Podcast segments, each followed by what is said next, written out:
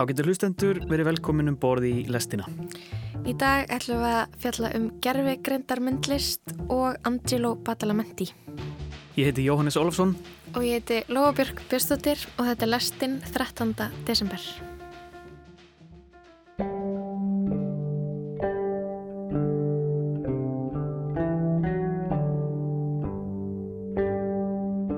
Vellistingar eftir Hildi Selmu Sigbarsdóttur Ég vaknaði stafræna sólaruppbrás frá vekjarklukkunni.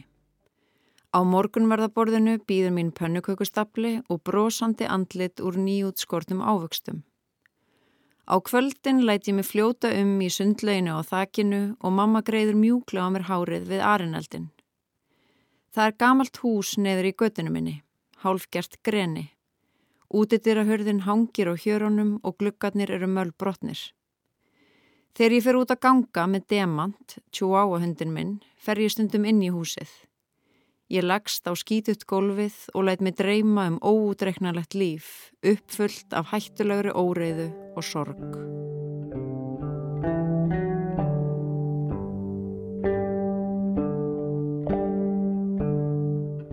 Batman kemur til bjargar eftir þurriði Ósk Sigurbjörnsdóttur. Vilbert opnaði alla glukka húsins meðan ég sveiplaði fölbleiku barbihandklæði út í loftið. Reikskinjarinn ætlaði aldrei að hætta að pýpa. Settuðu ekki öruglega ferskan timianstilk á Wellingtonsteikina, vippi minn. Kallaði tengdamamma úr stofunni og saup á rúbínrauðu púrtvíni. Auðvitað glemdu við timianinu, rétt eins og tímastillingunni á opninum frábært. Steikin er seg, unnisti minn vippi og tengdamamma án timians. Nei, nei, ekki um jólinn. Ég mun sjá til þess að tengdamamma fái fest krydd. Vippa barbihandklæðinu á bakið, klippi grein af grenitrénu og læta hana fljúa mjúglega á steikina.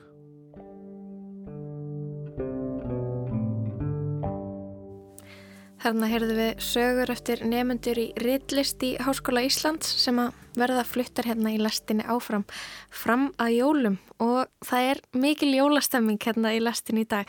Ég er í Föðlandi, Jónas, þú ert ný kliftur, mm -hmm. uh, komin í jólaskap. Já, og ég klifti mér sjálfur, ég er afskalega stoltur af því. Mm -hmm. Já, ég er stolt af þér líka. Og hvað berðu á borð fyrir hlustendur í dag, Jónas? Það er aðista listformið, tónlist. Okay. Tónlist, já, ég samla því. En sem sagt í gær þá bárust þær fréttir af andláti tónskáldsins Angelo Badalamenti, bandaríska tónskáldið sem mm. á mjög langan og farsælan feril í kvikmynda og sjónvastáta tónlist og við ætlum aðeins að stikla á ferlinum en við verðum eiginlega að byrja á þessu stefi.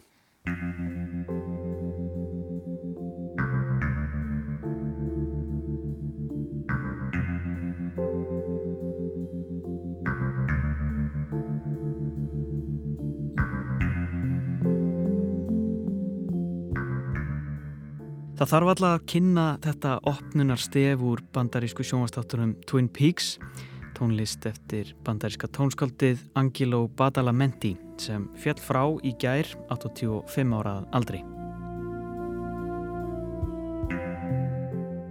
Angelo Badalamenti fættist í Brooklyn í New York árið 1937. Hann var ættaður frá Sikilei á Ítalíu af miklu tónlistarfólki kominn og hóf sinn tónlistar Feril Snemma. Hann vann við allskynns lagasmíðar og útsetningar upp úr 1960 rétt eftir að hafa lokið við bakkalárs og meistaraprófi frá Manhattan School of Music og starfaði meðal annars með þekktu tónlistafólki á borfið Nínu Simón, Nancy Wilson og Shirley Bassey. Á áttunda áratögnum fór hann að semja tónlist fyrir kvikmyndir og árið 1986 kynntist hann kvikmyndagerðamanninum David Lynch. Hann fekk það hlutverk að semja tónlist fyrir kvikmyndina Blue Velvet sem þá var í bígerð fyrir hálgjörða tilviljun en auðfrá því urðu þeir Lynch eins og skefti og blað og í dag er vart hægt að hugsa sér þessa listamenn nema í samhengi. Það er svo óhægt að segja að sjónvastættirnir Twin Peaks sé þeirra magnum opus sem Badalamenti uppskar Grammy-velun fyrir árið 1990. En af öðrum kvikmyndum þeirra félaga má nefna Mulholland Drive, Wild at Heart og Lost Highway. Tónlist Badalamentis einkennist af alltum leikjandi dölúð sem smígur inn í æðakerfið eins og Úlfur Eldjárn tónlistamæður komst að orði. En ég settist niður með honum fyrir í dag og fekk hann til að segja mér frá þessum merka tónlistarmanni.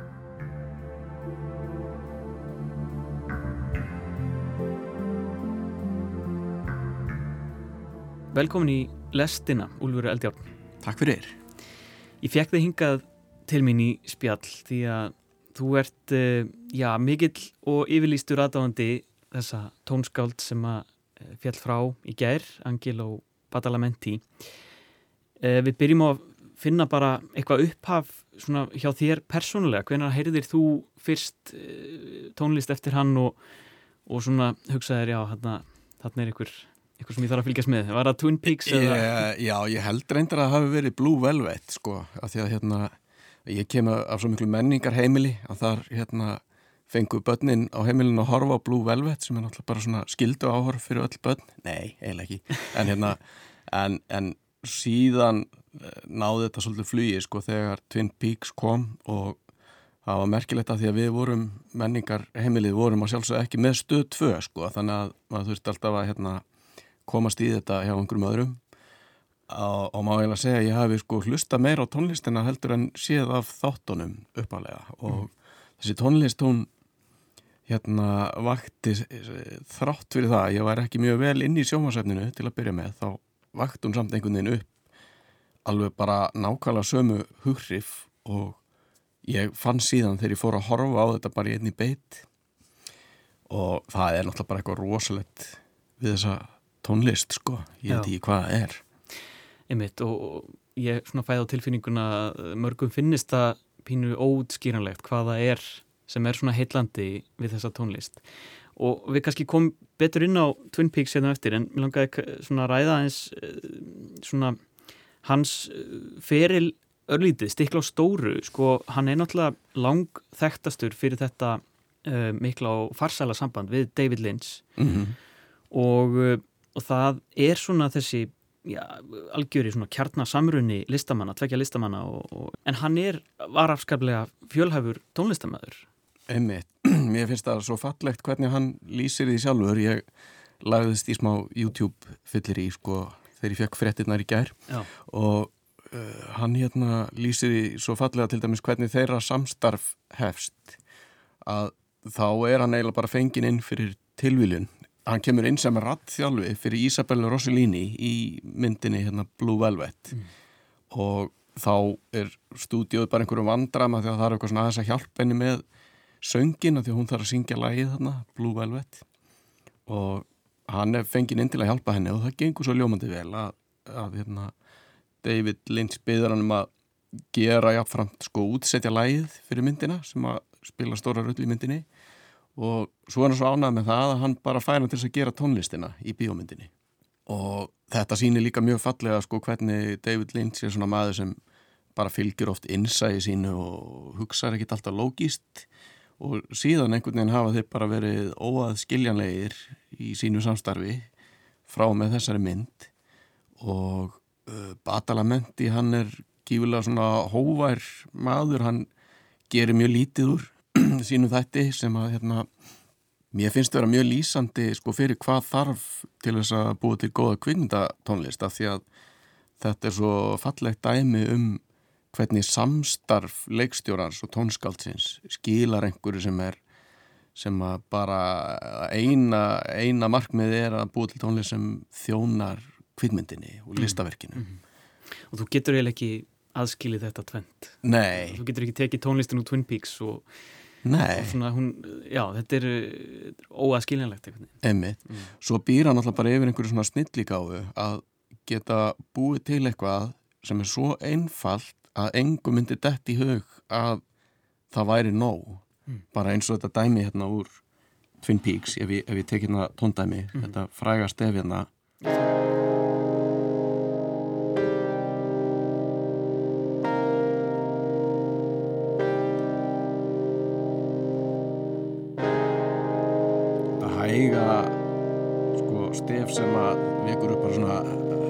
gæsa húð og einhverja ógeðstilfinningu hjá mjög mörgum hérna, mm -hmm. sem að sáðu Twin Peaks á sínum tíma. Og þetta er eiginlega ekki neitt. Þetta er bara einhver liggjandi hljómur og bara einhver pínu lítil breyting og, og sko ég held að, að flestir svona sem eru svona tónskald þeir myndu alltaf byrja á einhverju þeir myndu hugsa eitthvað aðeins starra en þetta er náttúrulega bara alveg nákvæmlega það sem að þarf og svo hérna kemur svo falleg sko þróast þetta yfir einhverju svona fallega romantíska melodíu og það er rosa erfitt sko, það er eiginlega ekki hægt að krifja þetta sko, þetta er svo bara, þetta er svo einfalt en samt svo miklu töfrar. Svo veit ég að uh, já, þeir eru náttúrulega svona, þeirra samstarfst aldrei sérstætt að því að uh, hann náttúrulega hefur líst því alveg bara í smátriðum hvernig þetta stef var sami og þá situr David Lynch bara við hliðin á honum og er bara, lætur hann spila bara eitthvað og, og segir svo bara, já, herruðu, þetta er málið. David would sit here and I'd say, well, what do you see, David? What is, just talk to me. And David would say, okay, Angelo, we're in a dark woods now. And there's a soft wind blowing through some sycamore trees and uh, there's, there's a moon out and there's some animal sounds in the background. And, and you can hear the hoot of an owl. And you're in the dark woods you know just, just get me into that beautiful darkness with the soft wind. And i started playing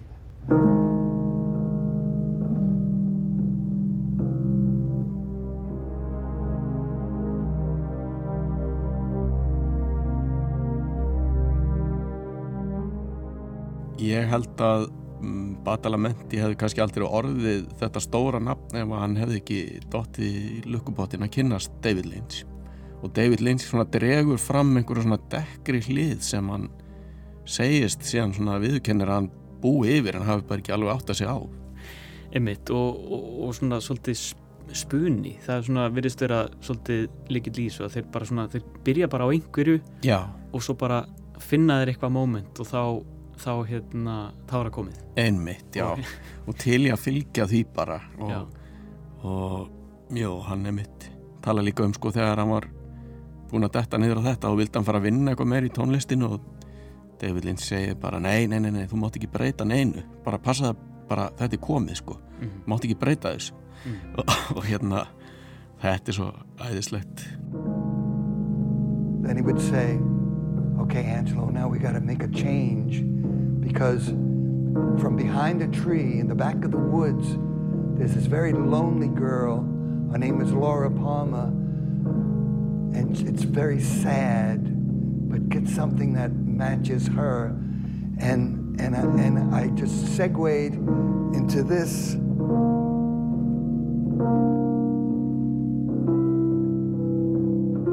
he'd say, well, that's it. It's very beautiful.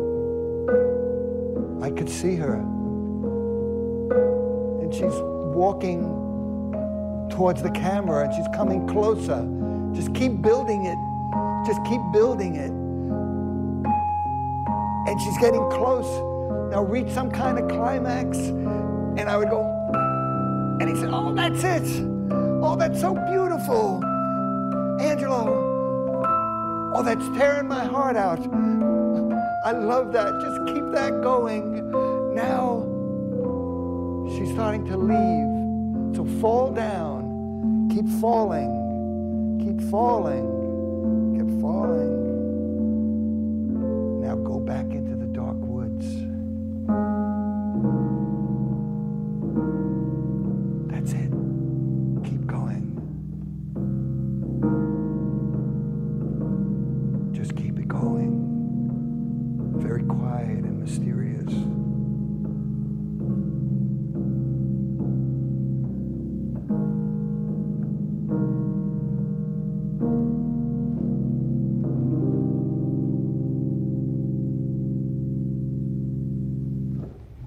David got up, he gave me a big hug. He said, Angelo, that's Twin Peaks. I said, okay, David, I'll go home and I'll work on it. He said, Angelo, don't do a thing and don't change a signal note. I see Twin Peaks. En hann hefur haft bakgrunnurinn hans er svona fjölbreyttur líka. Hann er hérna, hann er sko klassíst mentaður og ættaður frá hérna Sikilei og pappas var eitthvað í tónlisteldi þar. Þannig að hann hefur svona Eh, svona, já, hefur svona rætur einhvern veginn í, í tölsku klassíkinni og síðan er hann jafnviður á, á jazz og, og hérna og svona notar öll notar allar tegundir í sinni kvikmyndatónlist og það sem er líka svolítið fallegt finnst mér við Twin Peaks soundtrackið sérstaklega. Og annað sem hann hefur gert er að þeir eru ekkit mikið svona stressa sig á á hérna að það þurfu alltaf að vera gert, þú veist, að hundramanna symfóníuljónsveit eða eitthvað sko, stundum er þið bara að nota eitthvað sinta sem hefur verið fyrir notaður í demóið og það er þá oft haft með þó að þeir hafi ferið að tekið strengi líka. Mm.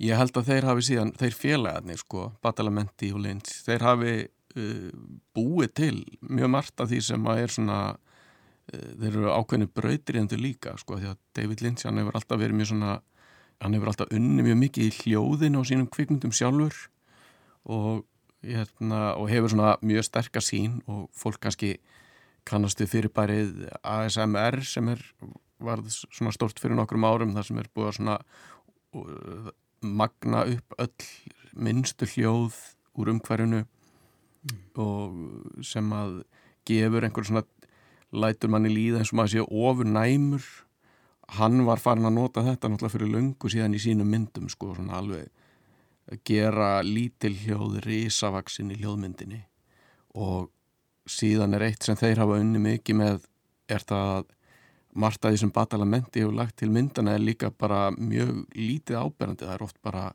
búið að taka upp kannski einhverju svona lága strengi sem liggja undir öllu sko marglaga upptökur af einhverjum bara svona drón.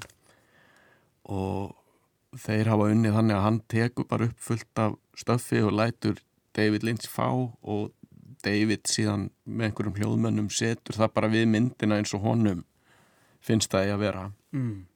þetta held ég að sé svona aldrei svona, annars ég vita alveg nákvæmlega en ég held að þeir hafið aldrei fundið upp þetta ferli sem að er bara mjög algengt í kvikmyndatónlist í dag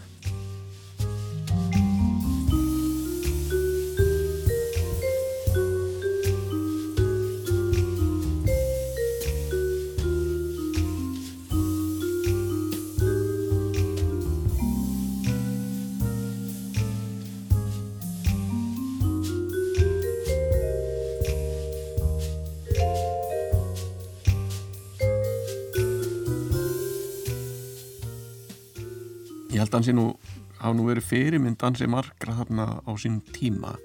Ég held að það hefði komið mjög mikið þessi áhrif hafi læðist svolítið út í út í hérna líka sjónvars þáttatónlist og sem er náttúrulega mjög svona stór listgrein í dag og maður heyri náttúrulega þessi áhrif eiginlega í öllu sem að eru með svona dimmum þungum og drungalegum hérna, stemmingum á bakvið mm -hmm. eins og allt þetta hérna, skandín var dæmi sko og þetta er aldrei, ég, ég held að það er raun og veru sé hann bara mikill áhrifavaldur í allir kvikmyndatónli sem er í gangi núna ef að hérna, það eru auðvitað fleiri en hann sem að hafa búið til þetta, þetta er allt bara eitthvað risastort samstarf mm -hmm. en ef maður ber hann til dæmi saman við svona stór kvikmyndatónskald eins og Bernard Herrmann og hérna John Williams eða eitthvað þá þá snýst þeirra tónlistum að búa til einhver svona búa til alveg svona svakalega stórar melodýr og stærð sem bara fer með þig út í geim eða býr til eitthvað ævintýri. En sko tónlist Batalamenti í samstarfi við David Lynch hún virkar á einhverju allt öðru plani. Hún fer beint í einhvern veginn undir meðutundina og svona líkamlegu tilfinningu sem þú færið út af því að skinja einhverja omstríður og, og, og, og djúpar hljóðbylgjur. Og þannig að hérna ég myndi segja að það sé svona þetta sé svona djúb sálfræðileg nálgun á búið til tónlist sem að þeir gera. Og hún er mjög ráðandi í dag sko Og þeir uh, nota líka svolítið það að hver, uh, hvert lag eða, eða stef eða bútur úr einhverju tengist sko annarkvört mjög ákveðinni tilfinningu, Já, jafnvel ákveðinum, ákveðinni personu Aha, og láta tónlistina tala svolítið fyrir, Já, fyrir það element í, í, í sjónvastættinum. akkurat, já, einmitt. Og þa þar í raun og veru eru þeir daldi hefðbundnir af því að það er svona gömul og góða nálgun líka á kvikmyndatónlist búa til stef alltaf þegar vondi kallinn kemur og svo er hérna stef þegar Indiana Jones hérna ste stekkur upp á bjarg Mm -hmm. eh, þeir gera það en það er líka daldi merkilegt svona tæki í höfundaverki David Lynch sko að því að hann það er ekki hægt að segja að það sé mjög svona skýr söguþráður alltaf hjá honum Mhm. og, og fólki hefur nú gengið mjög illa að fá nokkurt botn í það uh, hver svona hvort að sé yfir höfuð bara einhver merking í því sem hann er að segja í bíómyndunum sínum þannig að það er aldrei svona fróðilegt að, að þeir verðast alltaf vera með mjög svona ákveðið í- svona ákveðna thematíska framvindu í öllu sem þeir gera. Kannski er einhver líkill þar að að skilja hvað í óskupunum hann er að fara með þessum bíómyndum. Ef maður fyrir að skoða það hvaða stef kemur hvenar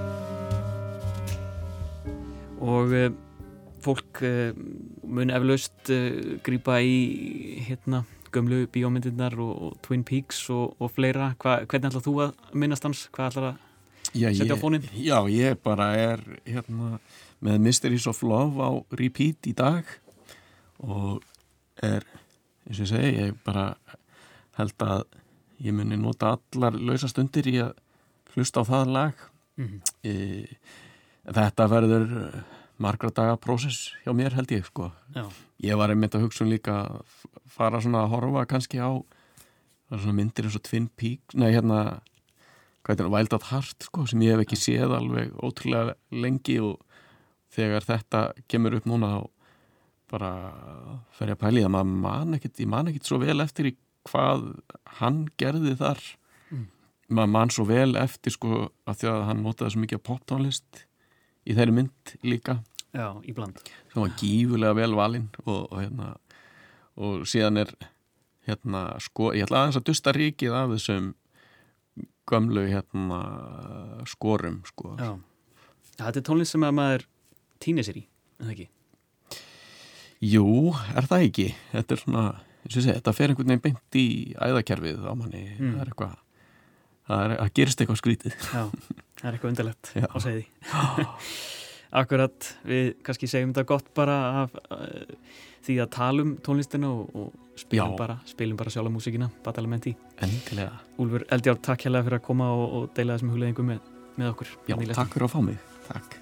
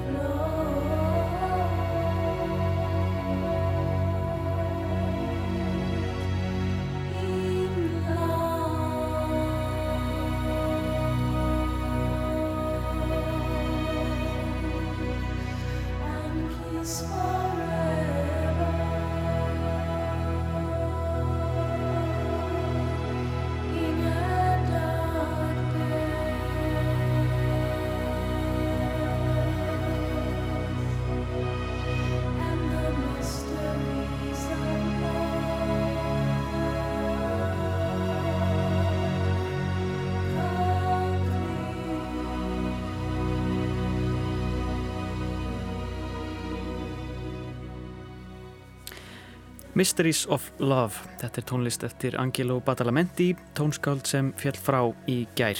Þetta er eitt af ótal verkum sem hann samti ásamt leikstjórunum David Lynch en þetta er úr þeirra fyrstu samstarfskvikmynd saman, Blue Velvet frá 1986 og það var Julie Cruz sem söng. Já, merkur listamæður hann á ferðinni.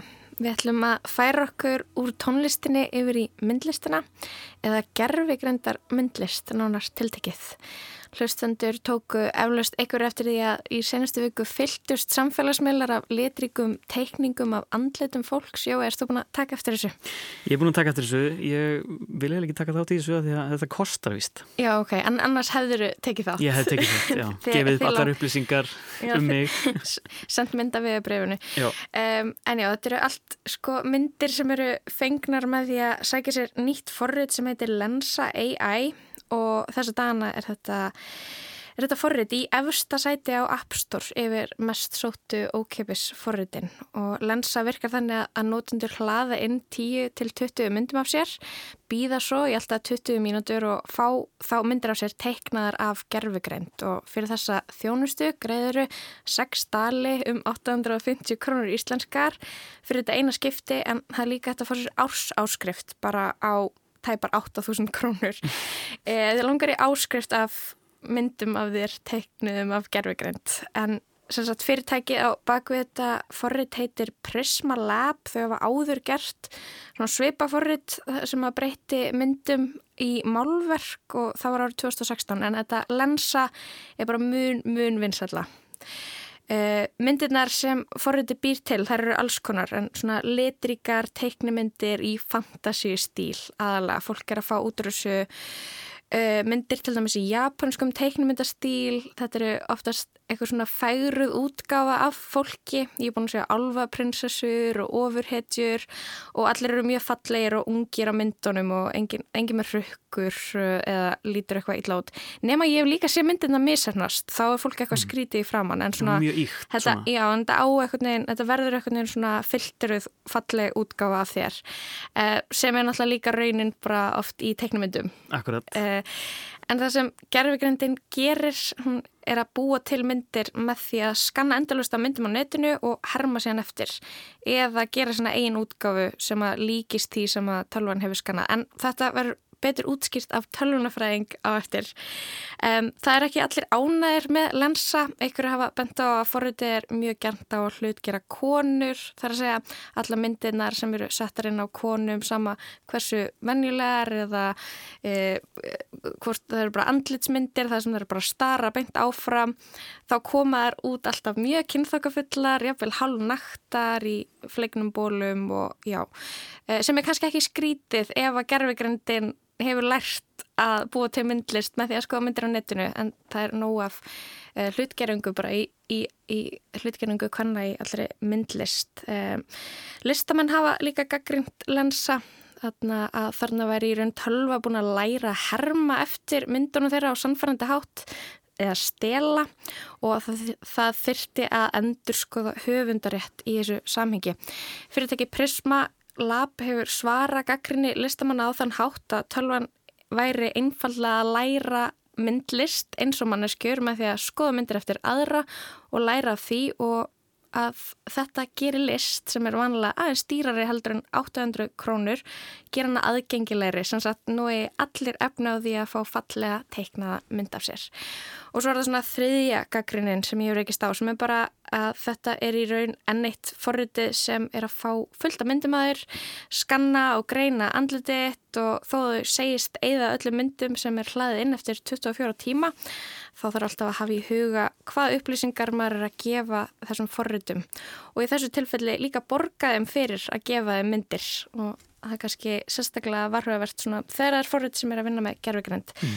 En í viðtali sem Kristján Guðjónsson tók í lestin í byrjun janúar fyrra árunu þá ræðir hann við tölunafræðingin Hafstein Einarsson um þetta, gerfugrindar list, hvernig tæknin virkar og þeir koma inn á allar þessar vangaveltur um hvort þetta sé list, hver sé þá listamæðurinn í gerfugrindamundlist, er það sá sem matar gerfugrindina með upplýsingum eða er það sá sem hannar forritið.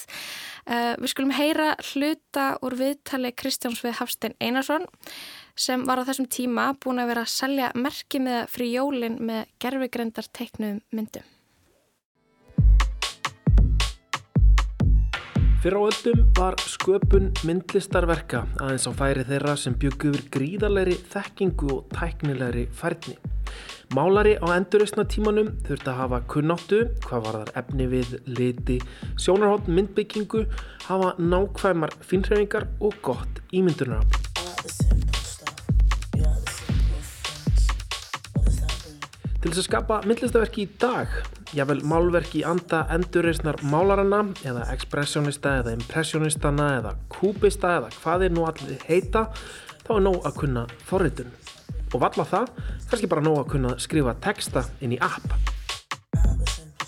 Á undanförnum árum og sérstaklega undanförnum mánuðum hefur orðið gríðalegt stökk í færni gerfigreindar til að búa til myndir og tæknin verður æ aðgengilegri almenningi. Nú fyrir jólinn gafst Íslandingum til að mynda tækifæri á að setja merkimið á jólapakkana með fallegum jólamyndum teiknuðum af gerfigrind. Maðurinn á bakvið gjafa miðana fögru er Hafsteinn Einarsson. Eh, Ég er lektor í tölvunafræði við Háskóla Íslands en ég stunda líka rannsóknir við Íslenska erðagreiningu og hérna vinn við sprótafyrirtæki sem heitir Nordvers og er einn af stopnendum þess. Hafsteinn, þú gerir líka list. Hvað ertu búin að vera að gera list lengi? Já, eh, ekkert svakalega lengi. ég titla mig ekki sem listamann en ég hef mikinn áhuga á aðferðum á sviði gerfugreindar og uh, ég hef sérstaklega verið að fylgjast með aðferðum til að búa til myndir uh, og það er út af ég áhuga á aðferðum til að greina myndir. Það er alveg mikið búið að vera stútar aðferði til að búa til myndir en yfirleitt hafa myndirnar ekkert verið neitt svakalega sannfarandi eða flottar þó að vissulega á ákveðnum sviðum er hægt að búa til mjög sannfærandi myndir. Það er til dæmis heimasíða sem heitir thispersondoesnotexist.com og þar getur fólk meðal annars séð bara andlit sem er búið til og hérna er oft mjög sannfærandi. Þannig að er þetta búið til mjög sannfærandi andlit. Manneskja sem er ekki til í raun og veru en, en gerfigreindar gert andlit sem að lítur út eins og alvöru manneskja. Nákvæmlega. Og, en það sem hefur kannski verið stærri áskorun er að búa til bara almennar myndir, myndir af hverju sem er. Og það er eitthvað sem er núna hægt að gera, um, kannski ekki alveg fullkomlega, en sumar niðurstöður eru mjög sannfærandi. Og það var sem sagt aðferð sem ég rak augun í á síðasta ári. Þetta er eindir aðferð frá árinu 2015 þar, þar kemur þessi aðferð fyrst til sögunar og það mætti tíða þetta á íslensku sem útbreiðslu líkun og síðan er búið að vera að vinna í þessum líkunum síðustu ár og þá á síðast ári þá er fyrirtæki í bandaríkjunum sem heitir OpenAI sem er mjög framarlega í þróun aðferða á sviði gerfugrindar og þau sagt gáfi út grein með þessari aðferð þar sem við vorum búin að bæta aðferðin og þjálfana á meira á gögnum. Og, þar sagt uh, koma út mjög sannfærandi myndir. Og sagt fólk byrjaði að nota þessa aðferð til þess að búa til myndir. Og það er það, það má segja að það hafi orðin á, orðið ákveðin svona sprenging uh, út af þessari aðferð í svona listsköpun með aðferðum á sviði gerfugrindar. Það eru vissulega margar aðrar aðferðir sem fólk er líka að nota að búa til myndir, meira kannski svona abstrakt myndir og þess að þar. En með þessari aðferð þá er þetta að búa til mjög svona sannfærandi myndir, en það er ekki nóg að nota aðferðina eina sér, það þarf að nota önnur líkön uh, með sem stýra þá meira útkominni, hvernig myndin mun líta út. Sko ef, ef, við, ef við kannski bara svona, útskýrum þetta eh, fyrir hlustum, eh, ég, ég, ég hef sjálfur sko, hérna, einmitt, tekið, tekið eftir þessu, um, Twitter uh, veggurinn minn hefur einhvern veginn fylst undanfarnar mánuði af, af alls konar uh, mjög svona fríkuðum, litríkum, listrænum, uh, hálf abstrakt stundum, fíkuratífum myndum og svo eru svona lýsingar við og, og, og, og uh, ég hef verið að forveitnast um þetta og náði mér einmitt í app sem að heitir Dream og er, er frá fyrirtæki sem heitir Wombo þar sem sagt get ég rauninni bara skrifað inn texta hvað sem er og ég hef verið að leika mér með sko Já, Katrín Jakobsdóttir í glímu við Donald Trump eins og Picasso hefði málaða eða eitthvað svo leiðis. Nákvæmlega þannig að það sem þetta gerir er í rauninni að, að fólk getur núna farið að, að skrifa bara eitthvað texta, lýsingu á mynd og, og þá eru forrið farin að geta uh, búið til þessar myndir sem að maður hreinlega bara lýsir með orðum. Nákvæmlega og hérna það er það sem er svolítið áhugavert við þetta er að, viðmótið er svo einfalt eins og þú ert að segja, maður nota bara texta og það er gott að bendur á þetta app og þetta hver sem er getur í rauninni byrjað að búa til svona myndir með texta en þetta app er kannski hérna, það er svona það styttir sér leið að vissu leiti að ef maður notar ofurtölvi til dæmis til að búa til myndirnar. Uh, þar sem maður kannski að nota meira reikniafl þá munið þær ofta tíðum líta betur út. Eða kannski á, áhugast að benda á það ef fólk verður að leika við, með appið og kannski fær ekki nógu góða niðurstöður að það er hægt samt að fá betri niðurstöður. En það sem er áhugast við er það sem þú emitt sagðir um að búa til mynd sem lítur út eins og Picasso hafi málað hana. Og þetta er í rauninni eh, innan, ég veit ekki hvort það sé að tala um fræðasveið en, en það er sem sagt í tengslum við svona málíkön þá áhugavert að núna kemur til sögunar málíkan þegar við erum að tala um myndir. En það þarf semst að nota nokkur líkan til að búa til þessa, þessar niðurstöður. Eitt er að er þetta útbreyslu líkan sem ég talaði um annað að er mállíkan sem tekur inn texta og býr til einhverja framsetningu á þessum texta. Og síðan er annað líkan sem tekur inn mynd og býr til framsetningu á myndinni. Þannig að þetta er eiginlega þrjú líkan sem er verið að vinna með. Og fólk er að leika sér með texta. Það er að reyna að búa til lýsingu á mynd þannig að myndin verði flott. Þannig að ef ég segi að lýsingin sé kannski bara um, einstaklingur sem stendur í almenningskari að þá verður niðurstaðan kannski bara eitthvað sem lítur út eins og ljósmynd mögulega teikning. En ef ég segi að lýsingi sé að þetta er teikning af ykkurum í almenningskari þá verður niðurstaðan teikning. Og ef ég segja að hún sé teiknuð af fjögur ára barni þá mun hún líta út eins og sé teiknuð af fjögur ára barni. En ef ég segja að hún sé teiknuð af Kandinsky til dæmis þá verður hún mjög litrík og abstrakt ef ég nota eitthvað eins og J.M.W. Turner eh, sem er frægur vasslítamálari þá mun það verða eins og flott vasslíta mynd þannig að fólk er að leika sér með alls konar svona lýsingar. Það er mikið verið að nota strengi á borðið trending on art station. Þannig að maður segir, segir kannski mynda Katrín Jakobsdóttir og síðan eftir á trending on art station. Og art station er eitthvað svona lista heimasíða. Þannig að bara það að setja það inn í lýsinguna gerir myndinu svona aðeins flottari og þetta kallast prompt engineering í fræðunum. Að, sem sagt, að maður er eitthvað meina að reyna að örfa tauganett rétt, svona gerfi tauganett þannig að útkoman verði flottari eða betri eða meira eins og maður vill. Einmitt, og þá kannski er hérna já þetta prompt eða þetta stikkorð er orðið svona nánast eins og hérna, já, leyndamálið E- e- ein- einhver getur verið mjög góður í þess að þeir eru búin að finna svo rosalega gott stikkorð. Algjörlega, og það eru fyrirtæki sem uh, eru að, að selja lausnir sem byggja á einhverjum svona trikkum sko. Þannig að það er til dæmis reysastórt mállíkan sem kom líka út uh, frá þessu fyrirtæki OpenAI sem heitir GPT-3 og það líkan getur gert alls konar hluti, getur smíða heimasíður eða unni með gögn eða hérna búið til einhverja hannanir eða þess að þar en það byggir allt á því að maður lýsi í texta hvað uh, líkan er á að gera. Og því skýrara og betri, betur sem það er gert uh, því betri verður niðurstað Mhm. en, þetta, en þetta byggir líka á því að það séu já, til rosalega stórir gerir ráð fyrir gagnabankar, bankar af myndum, myndabankar sem hægt er að sækja í uh, og sem eru þá hérna, já, búið að skilgreina einhvern veginn með texta það þurfa að vera til nógu marga myndir af Donald Trump til þess að við getum um, kallað kalla fram þetta. Hérna, ég, ég fór að velta fyrir mér sko hérna já, hvar, hvar er verið að sækja þe- þessi gagnasöfn eða gagnabanka, er þetta bara eitthvað í, í almenningseigu eða, eða hvernig, hvernig fer þetta fram? Já, það er líka góð spurning. Um, sem sagt uh, þær myndir sem er verið að nota venjulega til þjálfunar, þær sem sagt eru bara skrapaðar af netinu.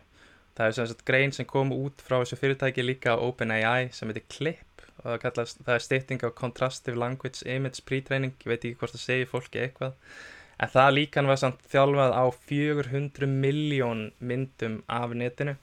Og þá ertu semst bæði með mynd og texta sem er þá svona lýsing á myndinni. Þannig að þau, þau bara fóru í það verkefni að sapna öllum þessum gögnum. Og yfirleitt er það þannig að því meira af gögnum sem maður eru með því betri verður niðurstaðan. Og síðan gáðu þau bara út þetta líkan þannig að hver sem er gætt byrjað að nota það. En það sem er kannski eitthvað sem fólk spyr sig þegar heyri þetta heyrðu, það fór og það, það var þjála á 400 miljón myndum á netinu. Er það þá ekki bara að kópera þessar myndir eða eitthvað svoleiðis? Og það er ótrúlega sagt ekki það sem er verið að gerast.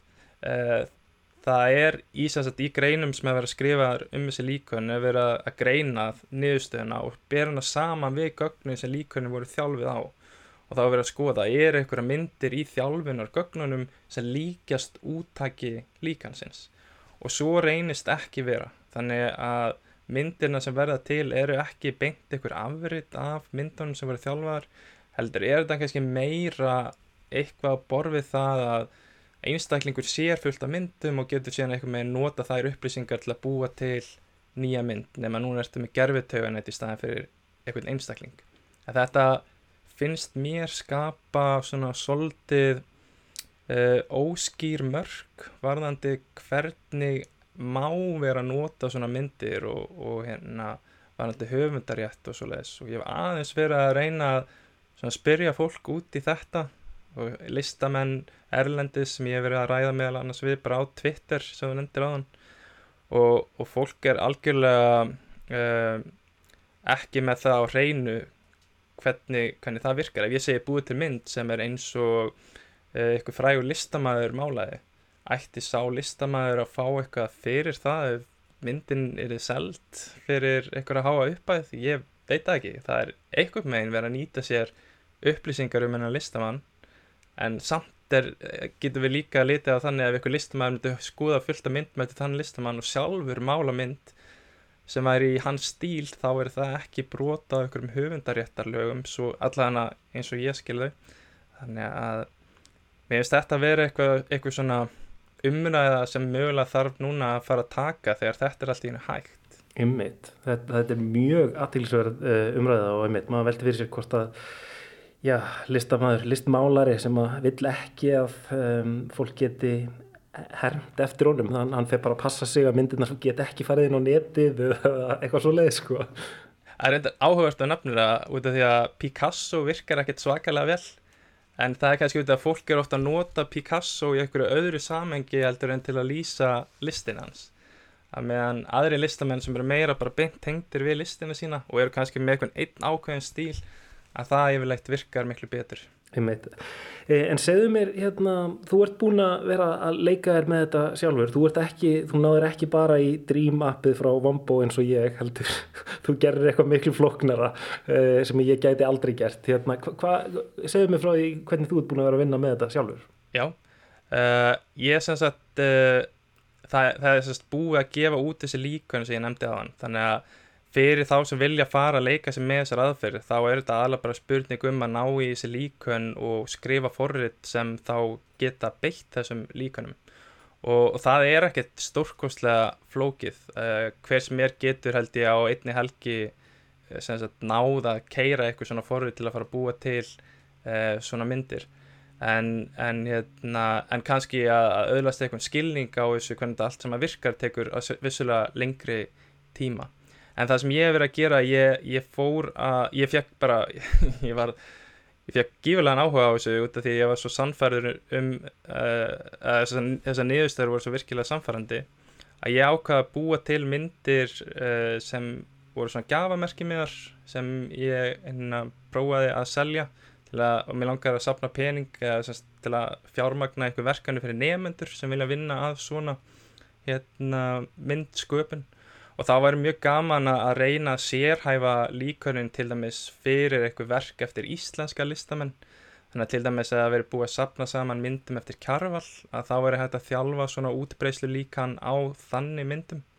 Og síðan er annar hængur á þessu að myndirnar eru yfirleitt, eru yfirleitt fyrir eitthvað litlar eða lágri upplöst og ef maður er með ofurtölvu þá er hægt að hækka upplöstuna umtalsvert en það er síðan líka til aðferðir til að stækka upplausnina eða stækka myndir. Og, hérna, og þá verður líka hægt að þjálfa að, þannig aðferðir á til dæmis eins og verkum eftir Karval eða ykkur aðra listamenn. Og, og þá getur við allt í hennu stækka myndina þannig að hún sé meira sannfærandi eins og hún hafi verið máluð af ykkurum tiltæknum listamanni. Og hérna, þannig að ég er svolítið búin að vera að leika mig með svoleiðis aðferðir og þetta er það sem listamenn eru mikið að gera sem er að nota þessar aðferðir að þeir eru að púsla saman einhverju mismunandi aðferðin en, en síðan er fólk að, að taka þetta eitthvað annað. Ég er sjálfur núna að byrja að skoða hvernig ég get kannski búið til eitthvað svona myndbönd eða eitthvað sögur með þessari aðferð. Og það er ég að búið til svona langar panoramamyndir sem geta þá svona slætað yfir e, skjáin og þá kemur eitthvað texti með og þá er ég rauninni búið að búa til aðferð til þess að búa til e, eitthvað framsetning á sögu á mjög skömmum tíma en síðan eru kannski aðrir að taka niðurstöðuna og uh, nota eitthvað aðferð til að búa til myndband úr þessu eða að hérna, nota þetta sem bara, já, vel eitthvað svona inspiration til þess að mála mynd. Það koma oft svona flott flottar, inna, svona, svona composition, hérna composition af myndanum er oft mjög flott. Afsækja ég sé að sletta hérna. En hérna en, en það er kannski eitthvað sem að geta nota sem, já, einmitt innblástur uh, í, í eigin listsköpun og hérna þannig að það, ég held að það sé bara að fara að vera meiri áhuga á þessum aðferðum og listamenn sé að fara að nota þetta meira sem innblástur í sín verk og ég get enga veginn sagt til um bara alla þá möguleika sem eru til til að nota þetta. En ég held líka að ykkur er fara að vinna í að gera þetta aðgengilegra eins og í gegnum þetta app Einmitt. En er, það er mjög spennandi sko að eh, sjá hvernig listamenn munu, munu nota því að sko, já, umræðan er stundum eh, þannig að, að það er alltaf einhvern veginn þjóstnast á þessari spurningu. Já, nú þegar gerfegrindin getur farið að búa til tónlist eða mynd eða texta, eru þá ekki listamenn eða, eða þeir sem skapa efni almennt orðinir óþarfir ég held að flestir séu nú sammálum að, að það sé ekki raunin, heldur mun fólk einmitt hérna, nota þetta í sína listsköpun og, og hérna, þú ert búin að nefna eitthvað svona nokkur dæmir, er, er fleira sem að þér hefur dottið í hug á þínum um, mangaveltum um þetta? Já, þetta er frábær pæling og þetta snýr svolítið að spurningunni líka bara hvað er list sem er náttúrulega búið að spyrja endutekið í, í hérna, gegnum tímasrás. Og ég held að þú veist þetta er list, þetta eru mjög sannfærandi myndir og þetta hefur ákveðin svona hughrif. Um, myndirnar hafa hughrif. Uh, valda hughrifum. Uh, en ég held að það sem er áhugavert við þetta er að við lendum aftur í því sem við lendum með svona abstrakt list að fólk segja bara já ég hef nú getið gert þetta. Eða þú keiriði bara eitthvað forriðt og skrifaði lýsing á myndinni. Það er ekkert mál, ég get alveg gert þetta og ég er alveg sammála því en, en samt uh, þegar fólk sagði þetta um abstrakt list bara ég get alveg málið þetta þetta er bara eitthvað slettur að samt kallaði fólk það list og það, það er oft verðmætt list. En, en ég held að munurinn á abstrakt listinu og þessum aðferðum uh, er að eitthvað leiti sá að núna er allt í hérna hægt að fara að fjölda framleiða list með mjög lítilli fyrirhöfn. Að vinnan á bakvið sérkverja mynd er alveg gífurlega lítill og ég get skrifað lýsingu á mynd og síðan búið til þúsund mismunandi myndir sem allar passa við þá lýsingu. Þannig að þá er kannski spurningin eh, hvers virði er þessi list? Þegar það er alltaf í náttúrulega svo auðvelt að búa hana til. Og, og hérna og það er held ég eitthvað sem gæti haft eitthvað áhrif.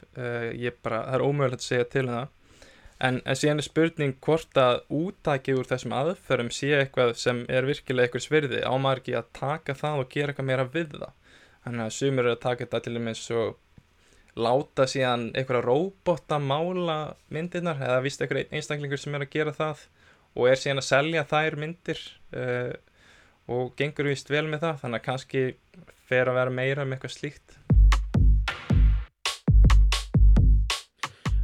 maður veldi líka fyrir sér sko spurningunni hver er listamæðurinn sko hvort það sé sá sem að hann var forritið eða hvort það sé sá sem að skrifar um, þennan texta stikkorðin eða promptið eða hvort það sé yfir höfuð hægt að greina hver listamæðurinn er. Og kannski er það bara ástæðan hverju þú vilt ekki kalla þig listamann þó þú hefur verið að ja, búa til myndir og, og, og, og selja uh, á jólamerkjum eða Já, einmitt. Uh, ég, hérna, þetta er ótrúlega góð spurning út af því að ég líti á þessa, þessi tauganett eða þetta sem ég er að nota, þetta er bara aðferð. Þannig að þetta er svona kannski spurning, ætti maður að uh, láta þann sem bjóð til pensilin uh, vera að hafa eitthvað uh, eignarhlut í verkinu sem var til. Flestur er samanlega því að svo eigi ekki að vera. En hérna eru kannski mörkin orðin óskýrari og hérna Þannig að ég, ég get enga veginn sagt til henn að hver ætti að vera höfundurinn en það sem fólk er ofta að gera þegar að byrtu svona myndir á netinu er að það tilgreinir hvaða aðferð var notuð. Þannig að það er eitthvað með henn að gefa kredit til þeirra sem byggu til aðferðina með að segja ég notaði þessa aðferð til að búa til verkið. Þannig að kannski verður það einhver venja eða hefð þegar fólk er að nota svona aðferði til að búa til list. Það tilgreinir hvaða, hvaða aðferð eða hvaða aðferðir voru notaðar svo aðrir geti skilið betur hvernig er hægt að skapa svona list. En síðan væru kannski aðri listamenn sem myndi ekkert vilja gefa upp hvernig þeir búa til sína list uh, út af því að þá er svo auðvelt fyrir aðra að gera það. Þannig að ég get enga veginn sagt til um það hvernig það verður